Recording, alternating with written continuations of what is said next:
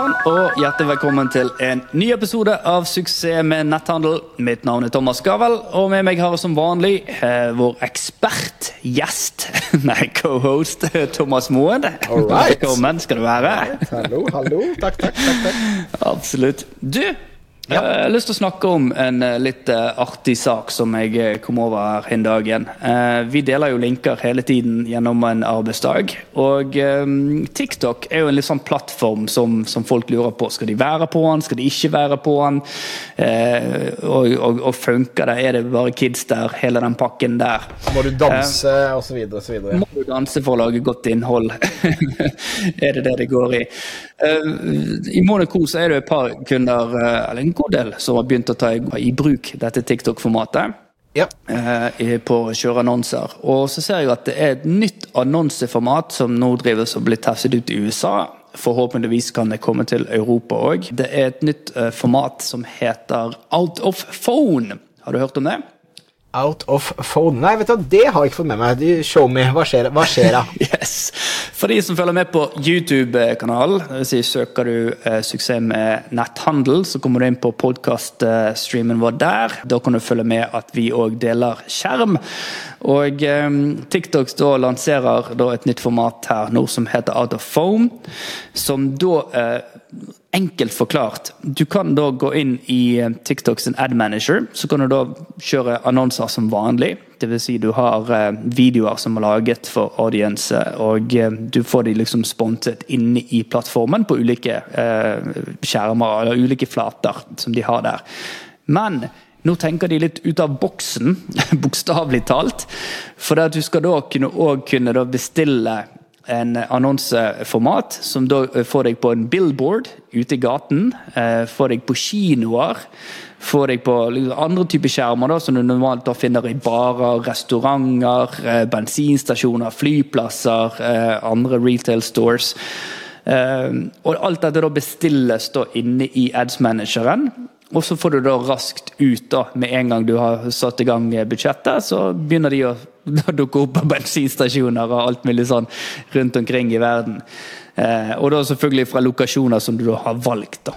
Eh, jeg syns det er en litt spennende format, jeg, for det at hvis, hvis en liten nettbutikk i dag skulle da kommet seg ut på en annen type flate, eh, kjøre en billboard nede på Oslo S, det er jo et helsikes dyr.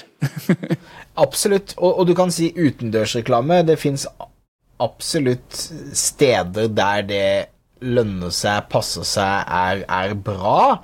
Eh, Jeg synes Det er kjempespennende at de eksperimenterer med dette. og Da ville det typisk i Norge da, så ville det gått til eh, en av disse utendørs eh, Clear eller, Channel. Clear Channel er det det heter. Eh, og, og sagt at hei, vi kjøper x antall visninger, og så vil jo da de igjen kunne kjøpe visninger til deres Uh, visning, ikke sant? Mm. Uh, um, jeg tenker at det kan være interessant. Jeg tror jo at uh, du trenger helt andre typer budskap på, eh, på out of phone enn du trenger på vanlige annonsekampanjer. Jeg tror også du må da da kan du ikke regne hjem return on ad spend på samme måten, så du må jo tenke som om du hadde liksom kjørt utendørs, men du får jo en mulighet til å teste det og eksperimentere med det. Så lokale butikker, la oss si du er, har en butikk på Oslo City, da, ikke sant, og så kan kjøre litt rundt der og sånn. Jeg synes det er kjempespennende. Det har jo egentlig ikke noe med TikTok å gjøre. altså Det som gjør TikTok-annonsering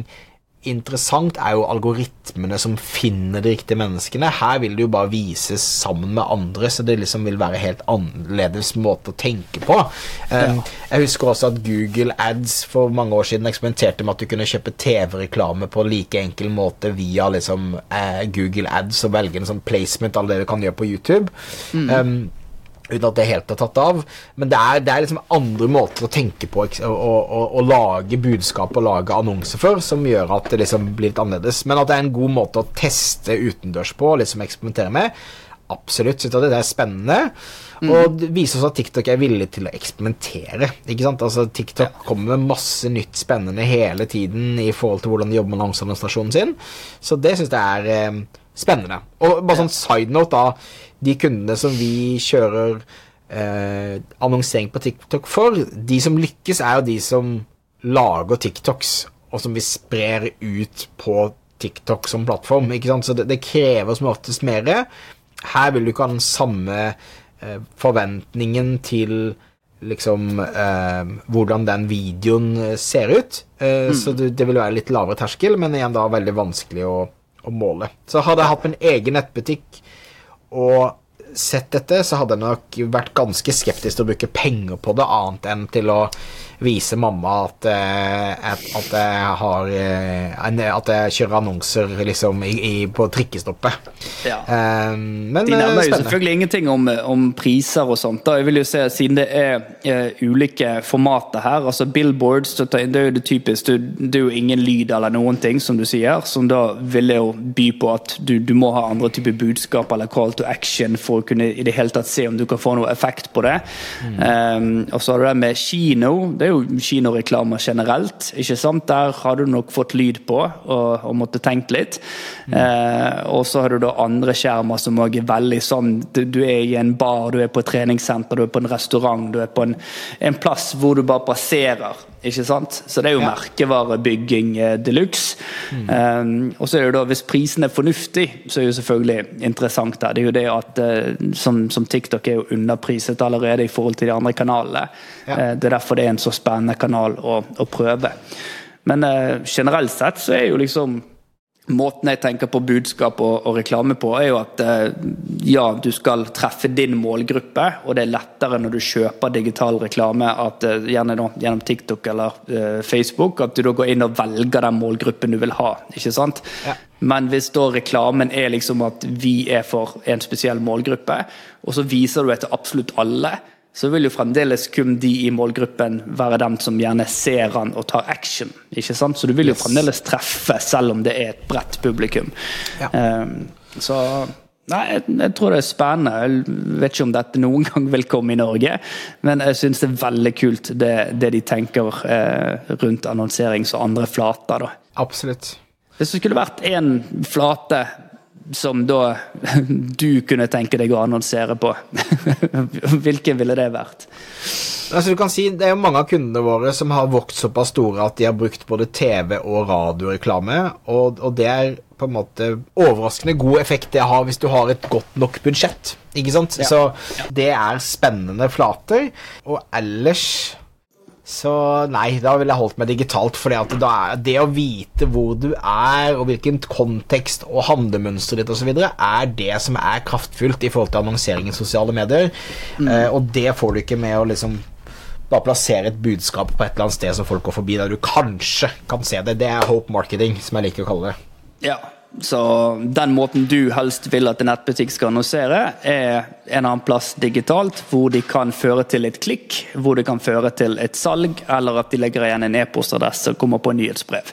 Ja, og det kan spores, så du vet at det har gjort den handlingen med at det har blitt eksponert for den annonsen. Ja, da gir det mening. Yes. Ja, men Da håper jeg at det, det, var lærerikt og nyttig og interessant. Eh, og selvfølgelig vil vi høre fra deg som lytter på. Eh, skriv gjerne en kommentar hvis du ser dette på YouTube eller på en annen plattform. Eh, vi vil gjerne høre fra deg om dette er noe som du syns er interessant. Vi har kommet ut med fire episoder allerede, så har du fulgt med oss så langt hører vi gjerne fra deg, og eh, hva du kunne tenke deg å høre mer om på denne ukentlige podkasten. Like and subscribe, give us a five star rating, alle de tingene sånn som de sier på amerikanske podkaster. Og så ses vi neste uke. Kjempe. Ha det bra.